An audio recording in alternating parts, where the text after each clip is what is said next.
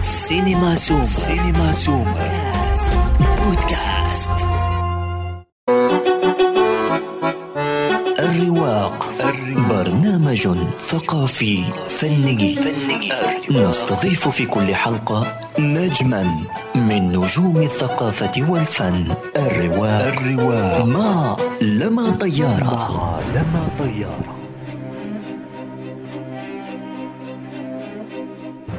تحية طيبة لكل مستمعي برنامج الرواق الثقافي. الرواق الثقافي يعود إليكم بحلقة مميزة مع الفنانة السورية أسيمة أحمد. شفت كيف ما روحت الفرصة من إيدها؟ أكيد دفعت ثروة كبيرة لحتى صارت رئيسة الجمعية إيه أختي شو كنتي متوقعة؟ اسمها صار تحت الرجلين بالوقت اللي كنتي فيه الكل بالكل وهلا اجى دورها يلا خليها تنبسط وتلعب هالدور لفترة صغيرة لأنه أنا رح طالعها برا. اجت لهون. عن جد إيه هيك صار؟ لك. كنتي متخيلة لا؟ لا أبدا. شو كيفك إندر؟ اتركيني من أموري وقصصي، أنا سمعت بموضوع. وجع لي قلبي، ما فهمت. شو سمعتي بالله؟ سمعت إنه ما معك مصاري. وهالشي خلاك تبيعي مجوهراتك اللي كانوا معك يا روحي لو اجيتي لعندي كنت عطيتك مصاري حبيبة قلبي مو معقول شو ضحكتيني من وين بتجيبي هالحكي هاد؟ سمعت إنك بعتي الخاتم الحلو يلي بابا شاري لك إياه سمعتي؟ مساء الخير أسيمة سعيدة جدا أنك رح تكوني ضيفتنا ببرنامج الرواق الثقافي. تسلمي لما صديقتي. وأنا كمان كتير مبسوطة وبيسعدني كتير إني أكون معكم بهذا البرنامج. أكيد المستمعين عرفوا أنه نحن ضيفتنا اليوم آه، صاحبة الصوت الذهبي وملكة الدوبلاج مؤخرا على الساحة ليس فقط السورية وإنما العربية. أهلا وسهلا فيكي أسيمة أحمد. تسلمي حبيبتي خجلتيني. شكرا كتير إلك. شهادتك هي يعني بعتز فيها. آه، أسيمة أنت خريجة المعهد العالي للفنون المسرحية قسم التمثيل آه، منذ العام 98 آه، ولديك مشوار فني لا بأس به مع الدراما التلفزيونية. بداية من العام 98 يعني من عام تخرجك. عملتي مع الراحل حاتم علي. ولكنك بدأت العمل في الدوبلاج قبلها بعام آه، 97 يعني تقريبا. فما الذي يعني دفعك تغرقين وتغرقين معك آه، في حقل الدوبلاج لدرجة أصبح آه، أصبحت هذه المهنة بالنسبة لك تشكل يعني جزء أكبر من عملك كفنانة؟ بصراحة بالبداية ما كان خياري هذا الموضوع يعني ظروفي الخاصة هي اللي خلتني اتجه باتجاه الدوبلاج. يعني كان أه، إنه أنا جبت بنوتة وكنت حابة إنه أه، ما بعد عنها وما يكون في سفر وما يكون في أه، ضغط عمل مثل اللي بيكون بالسينما أو بالدراما. ويعني فترة طفولتها الأولى يعني ما حبيت أبدا إني أكون بعيدة يعني حبيت إني أكون ملتصقة فيها ولأنه كتير بتأثر بالسنوات الأولى يعني بشخصية الطفل. فيما بعد بصراحة ما كان خياري لأنه آه، السنين الطويلة اللي بعدت فيها عن الدراما أو عن ال- السينما يعني خلت الناس ينسوني بقصد يعني آه، شركات الإنتاج أو المخرجين. آه، يعني أنا كان عندي رغبة إني أشتغل يعني بالسينما أو بالدراما. هذا الشيء ما بيعني إنه أنا ما استمتعت بالدوبلاج واكتشفت يعني ملكة أنا ما كان ما كنت عرفانة إنه موجودة عندي أو الناس يعني ردات فعل الناس تجاه صوتي أو تجاه الإحساس اللي بيقدر وصله بالصوت. يعني في متعة خاصة اكتشفتها بهذا المجال وحبيتها يعني.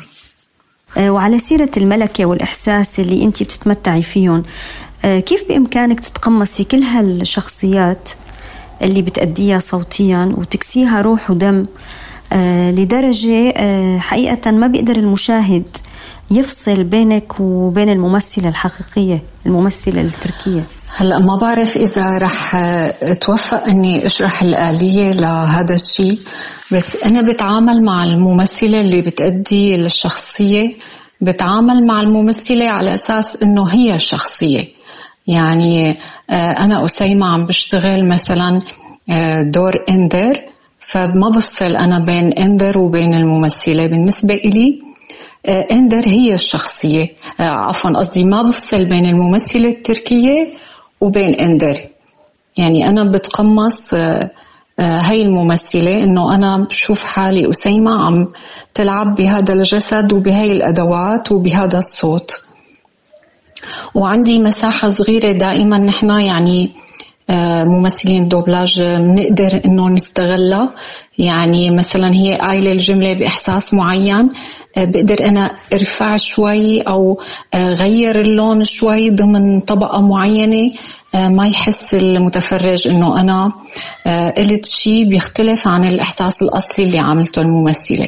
يعني يعني إذا أنا عندي رؤية مختلفة للجملة حابة أظهر إحساس معين فيه آه، فيها ما أنا أظهرته الممثلة التركية.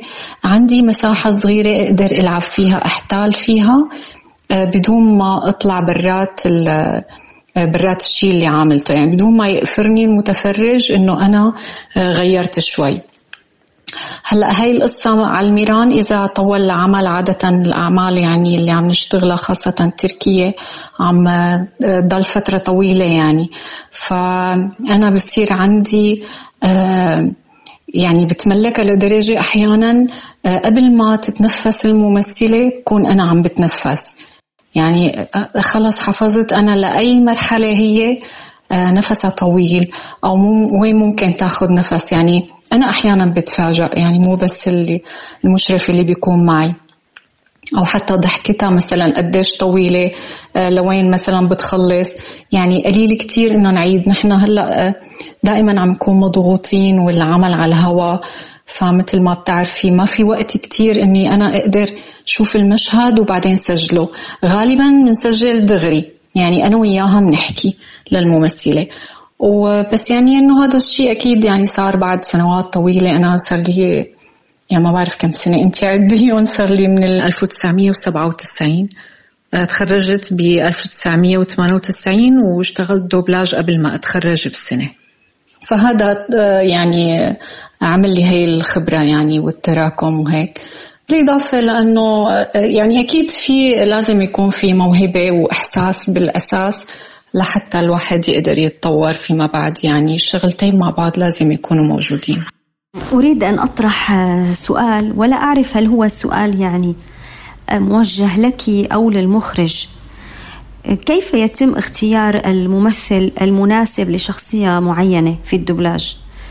يعني على الأقل أنت كيف يتم اختيارك لدور ما؟ وخاصة أنك لعبتي العديد آه، من الأدوار المختلفة من حيث العمر والبيئات ومع ذلك أتقنتيها. هلا بالنسبة لاختيار الممثل بالدوبلاج آه، الشركة لما بتختار أو المشرف ما عنده مجال كتير كبير إنه يختار مثل لما بتعملي كاستنج آه، لمسلسل بالدراما أو السينما يعني آه، بيلعب شكل الممثل دور كبير ويعني كتير عوامل أخرى. هون آه، بيقتصر الموضوع على الصوت. فأنت مجبرة مبدئيا بالمرحلة العمرية للشخصية. وثاني شيء يعني آه، أنت ما عندك أدوات غير الصوت تعبري من خلاله. وغالبا إنه قصة ضغط الوقت وهيك فبيميلوا أكثر إنه آه، مثلا أسيمة بيختاروها للشخصيات اللي ممكن تكون كلاس أو شخصية مثلا قاضية محامية أو ليدي يعني إنه خلص انطبعت برأسهم إنه أسيمة بتلعب هدول الشخصيات يعني بشكل حلو. آه، رغم إنه أنا ممكن ألعب يعني دور شخصية بسيطة أو امرأة مزارعة أو هيك ما بيحبوا يجربوا. يعني هي القصة كمان موجودة بالدراما عنا. أو أو بيحبوا يحافظوا على آه، خامة الصوت اللي عند أسيمة أو طبقة الصوت يلي الناس بتحبها.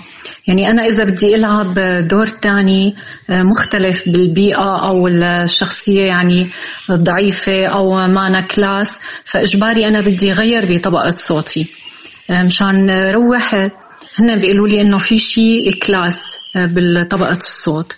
بدك تضطري تغيريها لحتى يروح هذا الشيء ممكن بالدراما ما كتير تضطري لهذا الموضوع لأنه آه، في جسدك عم يساعدك وشك عم يساعدك تعابير وشك.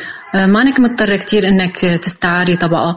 أو مو تستعاري طبقة هي من ضمن طبقات صوتك بس أنت بتختاري لون معين بيزبط أكثر مع هذا الكاركتر. آه، بعتقد يعني موضوع الكاستنج أو اختيار الصوت كمان في ناس موهوبين بهذا الموضوع. وفي ناس لا يعني بيكون اختيار خاطئ. مثلا أول ما بيشوفوا وحدة شقرة بيقولوا اسيمه بتجي مثلا بتشوفي الشخصية بتلاقي ايقاعها كتير مختلف عني. إنه ما في رابط غير إنه مثلا بتشبهني بالشكل. ممكن يكون في أحيانا كاستنج خطأ وناس موهوبين بهذا الموضوع أكثر من ناس تانيين. بلش ينشغل بالي على عثمان. ما عنا حل إلا أنه نستنى.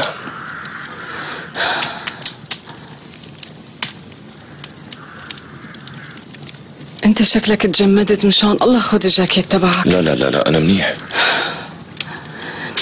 يا لطيف ما اعندك تعا أقعد جنبي. تعا خوفتيني والله. تعا تعا اقعد جنبي. يلا.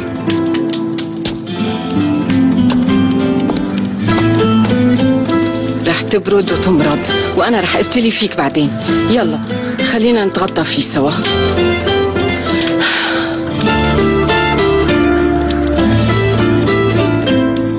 آه، هناك ملاحظة عامة أنه نحن كمتابعين للأعمال التركية الأصلية يعني آه، ما يترجم دون دوبلاج. نكتشف الاختلاف الكبير في خامات الصوت ما بين الممثل التركي والمدبلج الممثل السوري.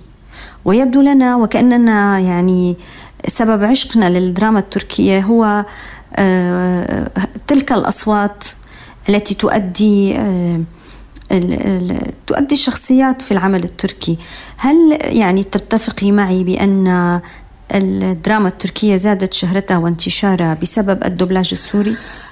هلا أكيد زادت شهرة الدراما التركية لأنه إذا بدك تطلعي بشكل عام للشرائح المختلفة يعني بفضلوا إنهم يتفرجوا على شيء مدبلج أكثر ما إنهم يتفرجوا على عمل مترجم يعني بيبقى أسهل للمتفرج إنه يتابع الإحساس و يعني وعناصر الفرجة تكون كاملة بالنسبة له يعني كل عناصر المتعة اللي مرتبطة بالفرجة ما في شيء بيعوقها مثل قراءة الترجمة.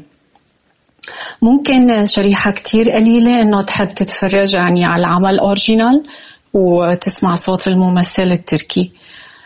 آه، أكيد آه، ما فينا نبخس آه، نبخسهم حقهم للممثلين الأتراك. في أعمال عم تجي أعمال كتير جيدة وممثلين قديرين. ونحن كمان عم يتم عنا اختيار يعني ممثلين سوريين بنفس الكفاءة. بس في بالمقابل النسبة الأكبر من الأعمال اللي عم تجي عم يكون سويتها أقل بصراحة. يعني كمستوى التمثيل آه، عم حس أنا أنه عنا هون لا عم يرتفع المستوى. يعني آه، أكثر عم بيصير أفضل يعني عم عم عم يرتفع مستوى المستوى الفني للأداء آه، بالدوبلاج. ومو بس بالمسلسلات التركية يعني حتى بال المسلسل يعني الأعمال الثانية في كتير نحن عم عم نشتغل الأعمال الهندية الإيرانية الروسية الإيطالية يعني من جنسيات كتير مختلفة. أكيد ساهمت بشهرة الممثلين الأتراك عنا رفعت لهم يعني العدد المتابعين أكبر عم بيكون بسبب الدبلجة يعني السورية. وإلا كانت انشهرت أعمال أخرى غير مدبلجة من جنسيات مختلفة وأعمال يعني على مستوى فني عالي فما فينا ننكر هذا الموضوع. ابقى على تواصل مستمر. وبودكاست الرواق. لا تنسى تفعيل زر الاشتراك الموجود في تطبيقك لتصلك الحلقات في حينها. آه، أسيمة اعتدنا ببرنامج الرواق الثقافي. أن نستضيف ضيف سواء كان فنان آه، معد مقدم برامج آه، ناقد. ليطرح سؤال على الضيف. واليوم نحن معنا الصديق الإعلامي ومقدم البرامج الجزائري محمد مزيد وسيطرح عليك سؤالين. مساء الخير. أود أن أسأل عن طريقة العمل في الدبلاج في حال إذا تم تسجيل الصوت بشكل منفرد هل يؤثر ذلك على نوعية وجودة العمل بحكم غياب التفاعل بين الممثلين؟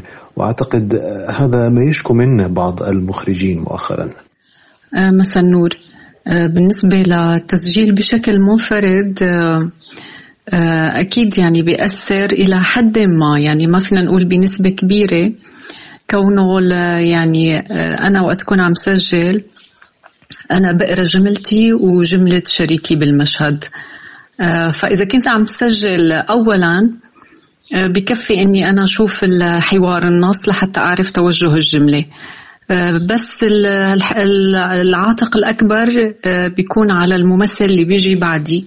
هو اللي لازم يسمع توجه الجملة لأنه أحيانا ممكن يكون في آه، في تصرف يعني من الممثل السوري يتجاوز آه، الإحساس الجملة التركية ممكن تكون استفهامية تصير إخبارية.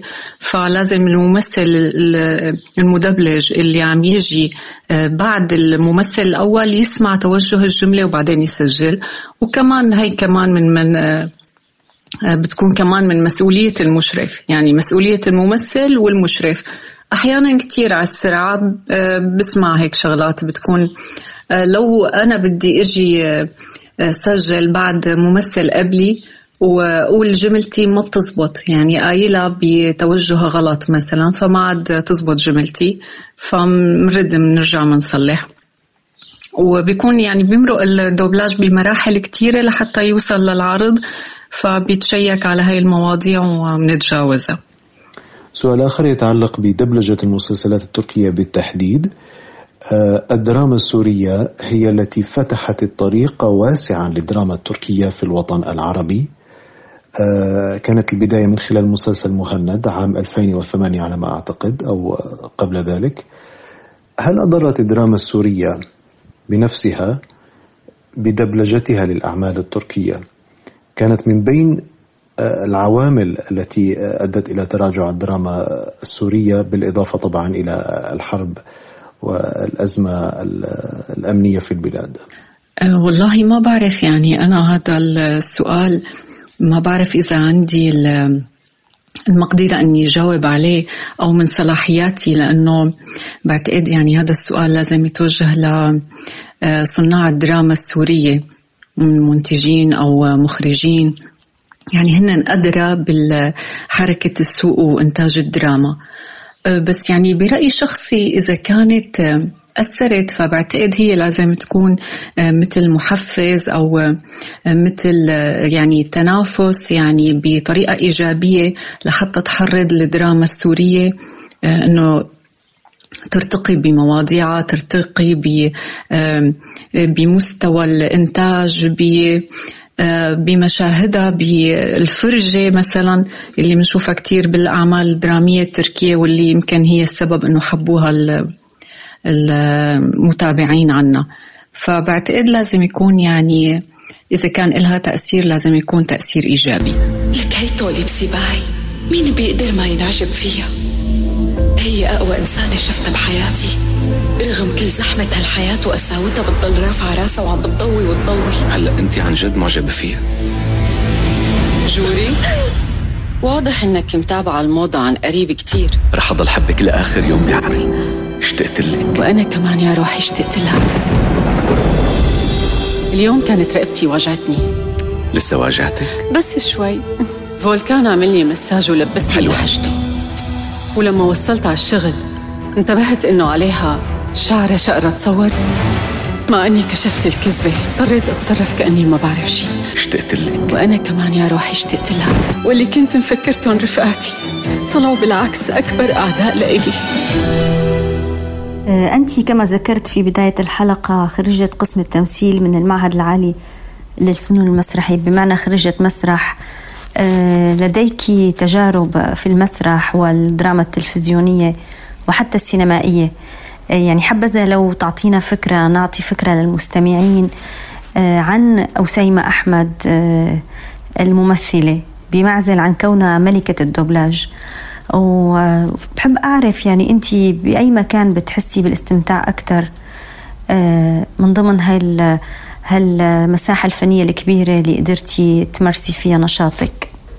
هلا آه، بداية أنا تخرجت من المعهد بعرض العرس آه، إخراج الدكتورة عوني كرومي وكان عرض كتير جميل يعني بعتبره يعني عرض مو مجرد عرض تخرج يعني عرض كان آه، الأداء فيه فعلا professional يعني مو كأنه نحن طلاب. وقبله كان في عرض مع الأستاذ غسان مسعود بالسنة الثالثة كان عرض بلا عودة. أما بعد التخرج كان عندي يعني تجارب قليلة بس بعتز فيها. مسرحية إيواكس مع الأستاذ جهاد سعد ومسرحية نور العيون مع الدكتور عجاج ومسرحية سوبر ماركت مع الأستاذ أيمن زيدان وفي مسرحية كاريكاتير مع رافي وهبي. بالنسبة للدراما بدايتي كانت بمسلسل سفر إخراج الأستاذ المرحوم حاتم علي. وبعدين في مسلسل صرخة ليل طويل إخراج سامي جنادي. مسلسل الخيزران إخراج الأستاذ محمد بدرخان. وفي عدة سهرات ومسلسلات قصيرة. وفيما بعد مسلسل نجوم بين الغيوم إخراج الأستاذ غسان سلمان الله يرحمه ومسلسل القيشاني الجزء الخامس إخراج الأستاذ هاني الروماني كمان الله يرحمه. و في مسلسل في حضرة الغياب إخراج الأستاذ نجدة أنزور ومسلسل شيفون كمان الأستاذ نجدة أنزور. وفيما بعد ثلاثية الصمت بمسلسل تحت سماء الوطن كمان الأستاذ نجدة أنزور. و آه، في مسلسل ترجمان الأشواق إخراج الأستاذ محمد عبد العزيز. وبالنسبة للسينما في فيلمين مع الأستاذ باسل الخطيب فيلم الأب والإعتراف. ومؤخرا اشتغلت آه، مسلسل غفوة القلوب مع الأستاذ رشاد كوكش.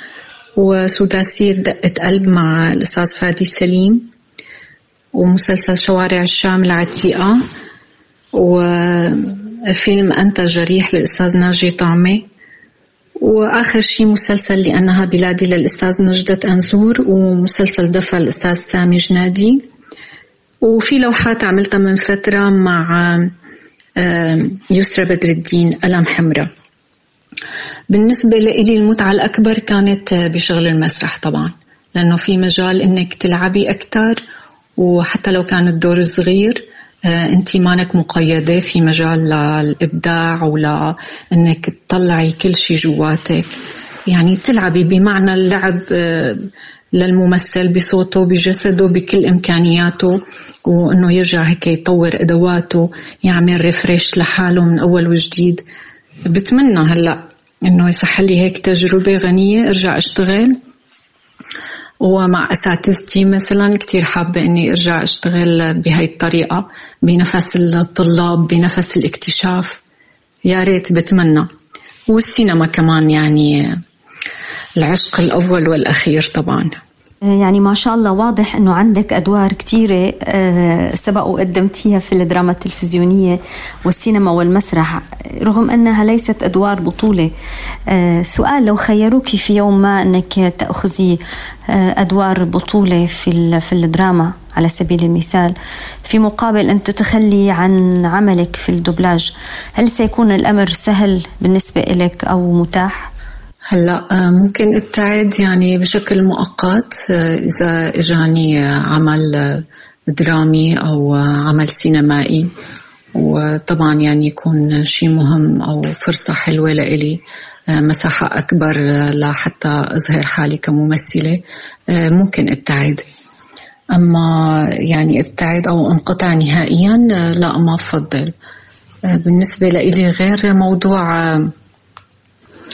إنه أنا صار لي اسم بالدوبلاج وعندي آه، أعمال سيريات يعني لازم كملها آه، بالنسبة إلي موضوع الدوبلاج هو يعتبر يعني بر الأمان وعامل لي استقرار مادي.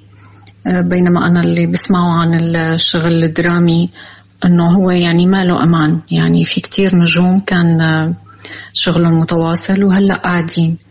فيعني هذا الموضوع بالنسبة إلي يعني بيطمني الشغل بالدوبلاج إنه يكون موجود ومستمر بشكل دائم. في بداية الحوار آه، أسيمة أشرتي إلى أنه آه، يعني تخليتي عن أشياء كثيرة آه، في بداية مسيرتك الفنية بسبب ابنتك التي كانت طفلة وكنت تريدين لها أن تعيش بشكل طبيعي.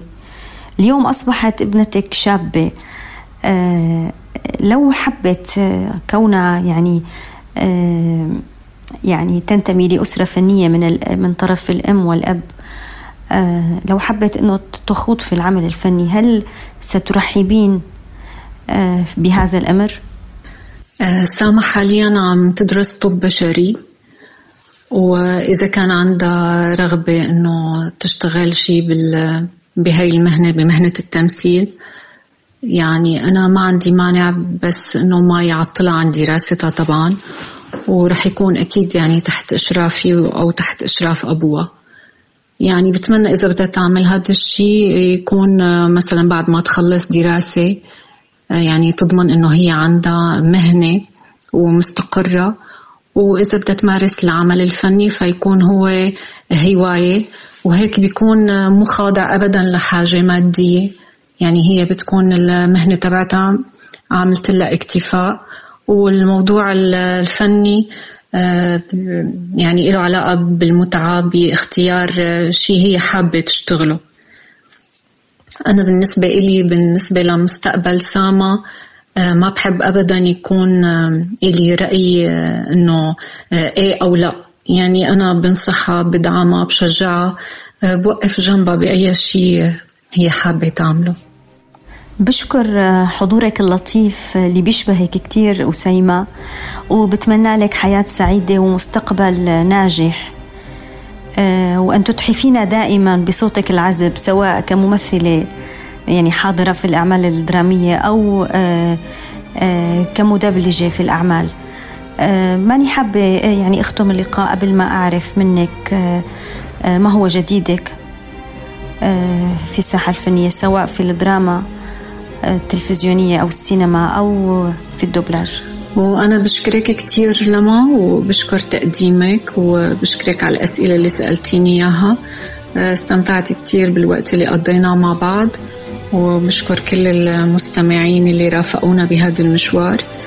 بالنسبة للجديد بالدوبلاج دائما في شيء جديد دائما في أعمال سواء الأعمال الدرامية أو الوثائقية أو أعمال الطبخ أو الكرتون. يعني نحن شغل الدوبلاج مستمر على مدار السنة الحمد لله آه، بالنسبة للدراما لا جديد حاليا. انتظرونا في الحلقة القادمة من الرواق. كانت معكم لما طيارة في الإعداد والتقديم ووافي بومايدا في الإخراج. إلى اللقاء.